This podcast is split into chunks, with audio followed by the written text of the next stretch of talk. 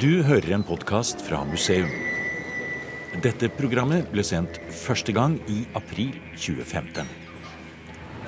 Midt i Oslo sentrum, noen få hundre meter fra Jungstorget, en solid jernport med overvåkningskameraer og en politibil parkert utenfor.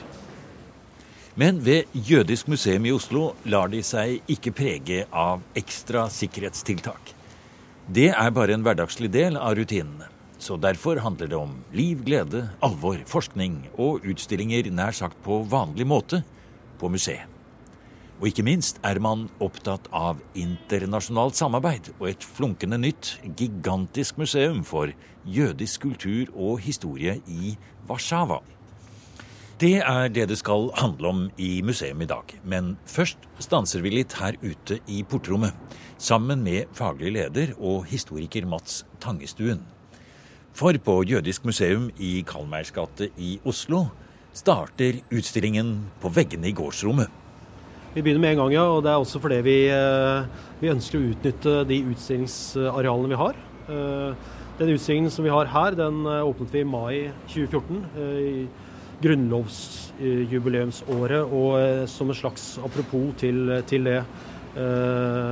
Og til den pasusen i paragraf 2 som forbød jøder adgang til riket.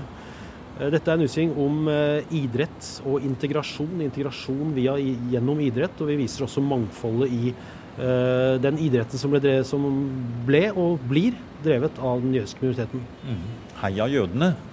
Ja, det er, eh, altså, det er faktisk en uh, tittel vi har stjålet fra en lignende utstilling som var på Jødisk museum i Stockholm, som vi egentlig syns var, uh, var, ganske bra. Se her, ja. Der, her ser vi en av de virkelig moderne, nye navnene. Du må forklare hvem det er du har her. Ja, så det er Susanne Pettersen, eller Tutta, da, som hun blir kjent som, som er eh, vår uh, beste kvinnelige golfspiller. Og selvfølgelig stort internasjonalt, som også har en jødisk link i sin familiehistorie. Via Feinsilberslekten. Nettopp. Og så er det i håndball har det vært en del elitespillere, i, sånn, i relativt moderne tid i hvert fall? Ja, det har det. Håndball, og også ikke minst uh, videre nedover her i, i ishockey. Boksing var populært før krigen. Eh, og Der kan du se gjenspeil også til USA, hvor på en måte boksing var en minoritetssport. Og det ble det litt her også. Eh, mellomvekt, lettvekt og mellomvekt var i USA eh, dominert av enten jødiske, irske og etter hvert også afroamerikanske boksere eh, i mellomkrigstiden eh, i USA. Og det ble også et ganske av flere jødiske gutter som, uh, som var dyktige boksere i Norge før krigen. Der kom det. Det var mange låser.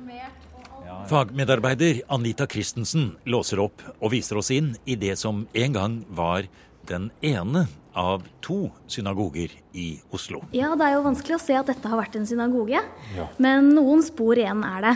Eh, F.eks. har vi jo det originale Toraskapet, ja, som er det skapet hvor man oppbevarer den hellige skriften. Men det har opprinnelig vært fire meter høyt. For da dette var en synagoge, så var dette taket åpent, og det var dobbelt så høyt opp. Og du kan se restene her etter kvinnegalleriene, eh, hvor det var plass til 100 kvinner oppe på balkongene. Og her, Dette er jo det vi kan kalle da, det vi ser rundt oss her, en sånn tradisjonell utstilling over eh, en jødisk identitet med Rosh Hasana, Yom Kippur står det om her. Shabbaten, På begynnelsen av 1900-tallet brøt den israelittiske menighet ut av det mosaiske trossamfunn og bygde sin egen synagoge midt i det som da var det jødiske distriktet i hovedstaden på den tiden. Etter annen verdenskrig og nazistenes utryddelsesleire var det ikke lenger grunnlag for to synagoger. Og Det mosaiske trossamfunn i Bergstien i Oslo ble da en felles synagoge for jødene. Og først på begynnelsen av 2000-tallet ble synagogen i Karlmeirs gate igjen tatt i bruk, ombygd og restaurert for å huse Norges andre museum for jødisk kultur og historie. Det første ble åpnet i Trondheim i 1997. Men løfter vi blikket litt og ser utover Norges grenser, sier Mats Tangestuen, så er det det helt nye museet for jødisk kultur og historie som åpnet i oktober 2014 i Warszawa, som er blitt den store internasjonale motoren i forskning på den europeiske jødiske historien. Eh, de har 40 000 kvadratmeter, eh, men de har også en 1000 år lang historie å fortelle. En god del mer enn vår ca. 160 år lang historie. Men det er et enormt museum for oss fra Norge å komme dit og se det. Mm. Absolutt. Når vi snakket om dette på forhånd, så nevnte du at det er veldig mange av de nåværende menneskene i hele verden med jødisk bakgrunn som faktisk har sine røtter tilbake til Polen? Ja, altså De opplysningene som uh, Jødisk museum i Warszawa uh, opererer problemet er at uh, ca. 9 millioner av de jødene som lever i verden i dag, uh, altså over halvparten, har røtter, polske røtter. Altså, man hadde jo en stor jødisk utvandring fra 1880-tallet utover historikere anslår at ca. 2,5-3 millioner jøder utvandret fra det som da var et russiske tsarriket. Eh, de fleste dro til Amerika, og noen få kom også til Norge. Mm. Og da med de røttene som de da har tilbake i den historien, så sier man altså at ni millioner jøder kan føre sine familierøtter tilbake til det daværende Polen. Eh, det er jo veldig mye. Så dette voldsomme museet som man nå lager i Warszawa, 40 000 kvadratmeter, helt nytt, moderne bygg, stort prestisjeprosjekt. Det blir på en måte da, Mats, kan vi kanskje si eh, verdens jødiske museum, da? Ja, jeg kan si at det Allerede før det åpna, så, så, startet det som et slags senter som trekker til seg veldig mye mange tråder og mye forskning fra det som foregår ellers i Europa. Og det, det, vil nok bare etablere seg mye mer etter hvert som årene går, som senteret for eh, mye av den forskning som kommer til å foregå. Eh, det har de også allerede gjort via alle disse samarbeidene som, eh, som foregår nå. Hello, my name is Joanna Krull and I work at the Museum of the History of Polish Jews in Warsaw. This is a museum created exactly at the heart of the former ghetto in Warsaw, but there used to be uh, a Jewish district. It is in a district called Muranów, uh, which before the war used to be a uh, colorful, very vibrant uh, Jewish site. Um, Johanna Krohl er en av avdelingslederne ved det nye jødiske museet i Warszawa. Vi treffer henne mens hun er på besøk hos sine samarbeidspartnere i Oslo. Det er både HL-senteret, Jødisk museum og fagmedarbeiderne hos Riksantikvaren som har med EØS-midlene å gjøre. Og som Johanna Krohl sier, det er ikke så merkelig at det er nettopp i Polen og Warszawa dette store jødiske museet kommer. Før annen verdenskrig var det bare New York som hadde flere jøder i én og samme by. Warszawa var en fargerik og pulserende by, mye takket være det store innslaget av jødisk kultur, sier Joanna Krohl. But it's not only, of course, about Warsaw. This is a museum which is telling the story of 1,000 years of existence of Jews in Poland. Mm -hmm. And uh, we follow the history from Middle Ages, when first merchants, Jewish merchants, came to Poland and they were invited by Polish kings and were given some special uh, rights. It's probably nowadays one of the biggest historical museums in uh, in the world, which is telling the history of uh, Jewish nation. Uh, what is important to mention is that it's not a Holocaust museum. Uh, this is a museum which is presenting the life of Jewish people in Poland. Vi uh, forteller 1000 års historie. 1000 år i hele det store området som en gang var Polen. Og vi viser hvordan polsk historie og jødisk historie er to sider av samme sak i dette området. Vi synes dette er viktig, sier Krohl, som legger stor vekt på at det nye museet i Warszawa ikke bare er et holocaustmuseum. Men, sier hun, det går selvsagt ikke an å fortelle denne historien uten å ta med det forferdelige som skjedde. Something really horrible happened. Out of uh, three and a half million of Jews who used to live in Poland before the war, uh, we, we, estimate that around uh, 350,000 people survived, mm. most of them in USSR. Uh, a really small percentage on the Aryan side in the Nazi-occupied Poland. How many Jews would you say live in Poland today out of the total population? Mm -hmm. It, it depends on how you define yourself to be Jewish. we know that there is a lot of Jewish people who don't exactly care they are Jewish themselves. But uh, the estimations are that there are around 20,000 people now in Poland living. 20,000? 20,000, uh-huh. yes, who are somehow registered in uh, Jewish communities in different cities of Poland or in some culture associations for Jewish people. 20 000 jøder igjen i Polen i dag, fra et tall på 3,5 millioner før krigen. 350 000 overlevde dødsleirene og nazistenes forfølgelser, og nå altså 20 000 igjen. Forklaringen er at mange av de hjemvendte og overlevende polske jødene følte seg så truet i etterkrigspolen at de flyktet til Israel, USA og andre steder, blant annet Norge, sier Joanna Krohl. Blant annet fikk jødene lov til å emigrere da jernteppet senket seg og alle andre innbyggere ble nektet utreise. Og jødenes historie etter krigen i Polen er full av sorte flekker. Pogromer, drap, tyveri av eiendom og forfølgelse. Og så kom De Wende, det demokratiske skiftet i 1989, og da begynte en ny tid, også for den jødiske minoriteten i Polen, sier Krohl. And we want to people to, to, to realize that this Jewish history wasn't something separated. This fate of Poles and Jews were all the time interwoven, and you can see that at our car exhibition. And it's like that till nowadays. The last presentation of our core exhibition is about this uh, post transformation experience. So we are talking about being Jewish nowadays in Poland after the democratic shift in 1989.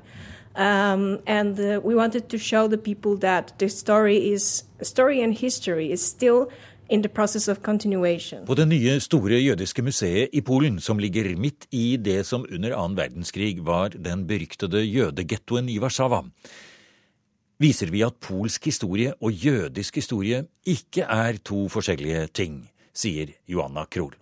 Hun mener at den lille jødiske minoriteten som fortsatt bor i Polen, nå begynner å bli stolt av sine røtter, på tross av at antisemittisme og rasisme fortsatt forekommer.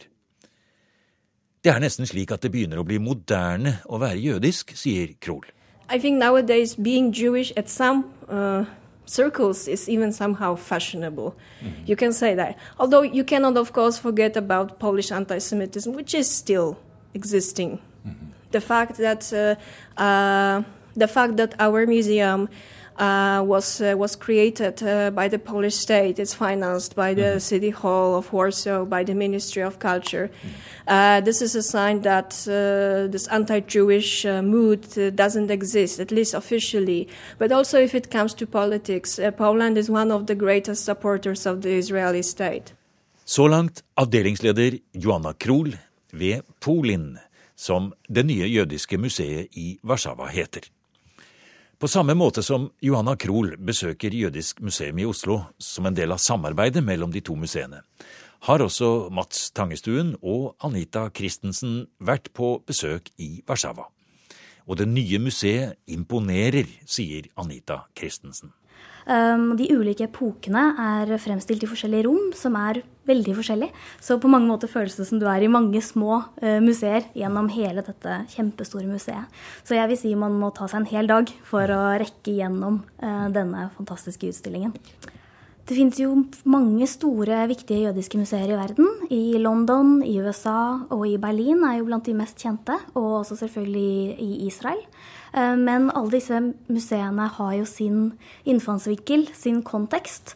Eh, og jeg vil si at de forteller en viktig historie eh, sammen ved å gi forskjellige perspektiver. Både museet i Warszawa og vårt museum har jo til felles det at vi ønsker å fokusere på jødisk liv.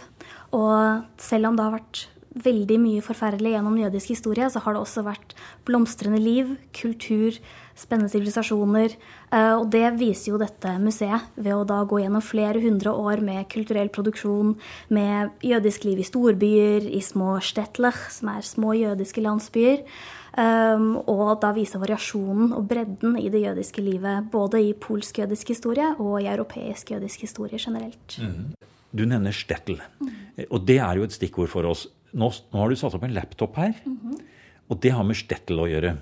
Ja, Ehm, det er eh, prosjektet Virtual Stettel, altså virtuell Stettel, liten jødisk landsby, eh, som er et prosjekt som har vært drevet i flere år av ansatte ved det jødiske museet i Warszawa. Nå trykte Mats på en knapp her, og da, da våknet skjermen til live fra dvalen. Skal vi gå bort her litt til den skjermen? Vi må flytte litt på utstyret her. Og du har nå satt opp rett og slett en vanlig Det er en vanlig eh, laptop, dette her. En vanlig PC som du har åpnet opp her. og der kommer det opp en side. Virtual Stettel. Eh, ja, dette prosjektet har jo eksistert lenger enn museet har vært åpent. Men det har nå blitt en viktig del av museets dokumentasjon og formidlingsprogram. Uh, og dette er jo da et slags leksikon på nett som tar en tilbake til det som ikke fins lenger. Det er derfor det er en virtuell Stetel, fordi for 100 år siden så var det små jødiske landsbyer over hele Øst-Europa uh, som ikke fins lenger i dag. Så hvis man søker på virtual Stetel, så finner man frem. Ja, Og altså denne tenkte byen, får man nesten si, da, som jo er en slags, uh, et symbol for alle disse små jødiske uh, byene, de små jødiske shtetl. Hva er det med den som vi slår opp her? Fortell litt om hvordan denne siden er lagt opp, og hva dere gjør her på Jødisk museum for å bidra til den. Altså Her kan man søke på navn på byer over innen det som var Polen i 1939, um, og finne ut uh, veldig mye om disse stedenes historie. Om personer som levde der, om uh, lokalhistorie, om bilder fra stedet slik det så ut før krigen og i dag. Uh, og det kan også være en veldig nyttig ressurs for folk som ønsker å finne ut f.eks. om familien sin, eller om hvordan disse stedene var uh, for 100 eh, år siden. Mm, nettopp. Og det er jo på engelsk, dette, da. Eh, og ordlister, gallerier, bibliografier, og det er masse enkeltartikler utover hele siden, Mats. Ja. altså det er en, en uh, bieffekt ved å opprette den siden her, er at de uh, For dem så har det også vært en viktig del av innsamlingsarbeidet. altså uh, den store jødiske utvandringen fra 1880-tallet utover førte jo veldig mange polske jøder til f.eks. USA. Uh, disse folkenes etterkommere sitter nå og finner fram til virtual stettel, finner denne stettelen som finner en side for stettelen hvor familien kom fra, f.eks. Eh, og bidrar med hva de enn måtte ha av uh, brev, fotografier derfra. Sånn at du har på en måte de utvandrede jødenes slektninger som nå bidrar til å bygge opp dette her igjen. Og det er en veldig stor del av av den kunnskapen det nye museet nå kan bygge videre på. Og noen av disse personlige familiehistoriene tar veien om Norge, sier historiker Mats Tangestuen på Jødisk museum i Oslo. På denne måten blir skjebnen til jødene i Polen, Hviterussland og andre steder i det tidligere Øst-Europa også en del av den norske jødiske historien. Vi samarbeider med Det jødiske museet i Warszawa bl.a. for å kunne dokumentere noen av disse dramatiske flyktningehistoriene, sier Anita Christensen. Eh, ja, i sommer så reiste jeg og Mats sammen med to kolleger fra Det jødiske museet i Warszawa på en reise rundt til de områdene hvor de, eh, de fleste av de norske jødene som kom fra Polen okay. Nå har du gått inn på en ny side her, på Virtual Stettel. Hvor har vi kommet inn til nå, da? Nå er vi i Rajgrod, ja. som eh, ligger øst i Polen. Eh, like ved grensen til Hviterussland. Og i denne regionen var det mange eh, jøder som endte opp med å dra til Norge. Og når vi ser på denne siden, så kan vi jo da uh, vi kan lære om lokalhistorie. Ja, nå går du inn på noen av undermenyene her, ja. Du, du leter etter, ja. Her kan vi f.eks. lære om synagoger i denne byen, eller om gravlunder. Uh, eller personhistorier som er knyttet til denne landsbyen. Klikker du deg inn her, går du inn på et kart på denne siden. Ja, vi befinner oss i det området som nå grenser til Hviterussland, Litauen og Kaliningrad, og som også var et grenseområde for ca. 100 år siden. Og herfra er vi jo eh, ikke så langt unna Østersjøen, eh, og det fantes ganske gode forbindelser. Man, man, reiste enten via Tyskland eller med båt. Ja, For dette var jo et gammelt tysk område, dette her. Mm. Ja, og vi ser Bialastok ligger der. Og Kaliningrad ligger der, ja. I dette området som ligger like ved kysten, ja, så sier du der reiser det mange til eh, nettopp Norge. Ja, man reiste jo fra dette området til, eh, til mye til USA, var vel kanskje drømmen for de fleste, men mange endte også opp med å dra til Norge. Og da var det gjerne slik at én person reiste først, og skrev brev hjem uh, og oppfordret uh, søsken og naboer til å komme. Så vi reiste altså til flere av de landsbyene hvor vi vet at det kom personer som reiste til Norge. og en av dem var jo Rai Grodd. Der fant vi flere familier. Uh, og det som var veldig spennende der, var jo at uh, de hadde lokale eksperter som faktisk kjente til disse familiene. Og bl.a. kunne fortelle oss Men de bodde her. Ja, så vi lette f.eks. etter uh, familien Goldfarb. Og ble dermed tatt med til bygget som fortsatt sto der, hvor de hadde drevet vertshus og bodd. Så det var jo veldig spennende. Som du også da finner historien til i, i, i Oslo i Norge i dag. Ja, etterkommere finner man både i Norge og Sverige. Og uh, en av disse etterkommerne som er mest kjent i Norge, er jo uh, Pedro, tegneren i VG. Hvis familie kom derfra. en søster slo seg ned i Sverige under krigen. En av hennes sønner ble kulturminister i Sverige for noen år siden. og det er også noe som, som de polske forskerne syns er veldig artig, da, når vi kan vise til hvor disse endte opp. Uh, som ikke ennå er reflektert så mye i akkurat uh, denne virtual stettel. Uh, ta utgangspunkt i stedene som var der, ikke sant? men det er klart uh, å linke til Eh, eksempler til folk som, eh, som flyttet fra, fra, disse stedene, og hvor de endte opp, og hva, hva, det ble av familien, er også veldig interessant for dem. Mm. Det er jo en måte hvor vi kan finne veldig mye informasjon som vi ikke vil ha tilgang på ellers, og hvor våre kolleger i Warszawa kan også finne ut hvor historien gikk videre etter at uh, disse personene emigrerte til Norge. Samtidig som vi også ønsker å lage en virtuell utstilling som kommer til å være tilgjengelig på internett, hvor vi forteller historien til et utvalg familier gjennom bilder og tekst vekst. Eh, Norge var også et transittland for flere av disse som utvandret til USA. Noen jødiske familier bodde i Norge kanskje ett, to, tre, fire år eh, og dro videre. Eh, og fra disse så får vi nå Slektsforskning er populært i, i USA også. Og vi har fått veldig mye viktig informasjon derfra, også bilder. Mm. som vi er veldig glad for. for. når Mats eh, Anita her sier at vi får og sånn, så er det jo fordi at Jødisk museum her i Oslo uh, Dere har jo et eget prosjekt her. Ja. For det som gjør at Virtual Shtetl er så spennende for oss, er jo at vi eh, ser veldig mange historier av eh, polske jøder som kom til Norge slo seg ned her eller reiste videre. Men veldig ofte når vi ser i eh, papirene, så står det bare at de kom fra Russland eller de kom fra Polen. Og det er jo kjempeområder, og vi vet veldig lite om det. Så vi syns jo dette, Virtual Shtetl, var en fantastisk mulighet til å se de faktiske stedene de kom fra. Lære mer om hvordan landsbyen så ut, hvordan man levde der, hva som var grunnen til at de dro derfra, hvordan det var for de som ble igjen. Eh, og få et, et rikere bilde av den eh, verdenen de kom fra. Og det har vi absolutt fått gjennom samarbeidet med museet i Warszawa. Hvordan ble dere nær sagt tatt imot når dere reiste disse områdene på grensen inn til Hviterussland og Litauen og sa at dere lette etter røtter til den jødiske historien i området? Var det håper jeg, greit? Det var faktisk litt forskjellig. Den ene av disse historikerne som var med oss, var jødisk. Og han likte seg faktisk ikke i noen av disse byene. Eh, noen av byene er, har en veldig fattig befolkning, altså stor arbeidsløshet. Eh, og eh, ja, nedslitt, kan du si. Mange av husene står fortsatt. På noen av husene så, så ser man merker etter altså det, det, som kalles for mesosa, altså disse eh, små sylinderne med bønnesetninger som henger på dørkarmene. Sånn at eh, du visste at dette her hadde vært eh, et jødisk hus eh, som en gang har blitt overtatt. Det er også noe man kan se på byggestilen på flere av husene, på takene spesielt.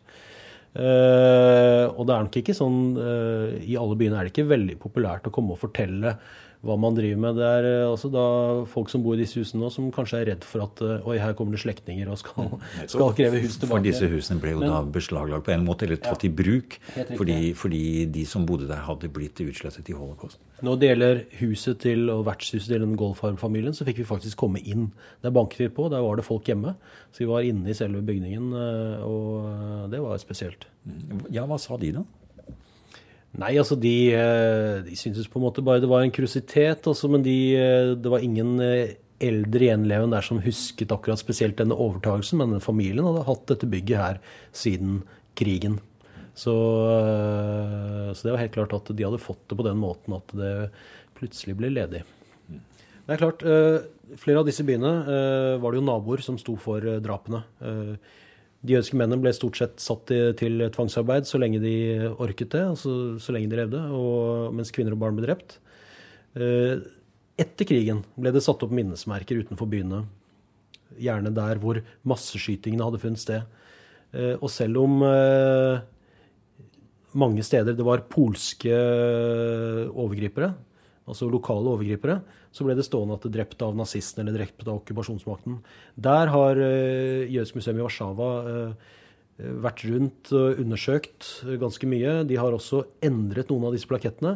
I en av de byene vi var, så hadde de satt opp en ny plakett over den gamle plaketten på minnesteinen, hvor de byttet ut med 'drept av nazistene' med 'drept av naboer'. Den plaketten fikk lov til å stå i en uke. Og vi så også ganske nylig eh, oppsatte jødiske minnesmerker, iallfall fra 90-tallet, som var blitt eh, ødelagt. Så det er, eh, det er fortsatt en, eh, en, vanskelig historie eh, mange steder i Polen. Du har nå hørt en podkast av programmet Museum fra NRK P2. Og send gjerne en e-post til museum nrk.no.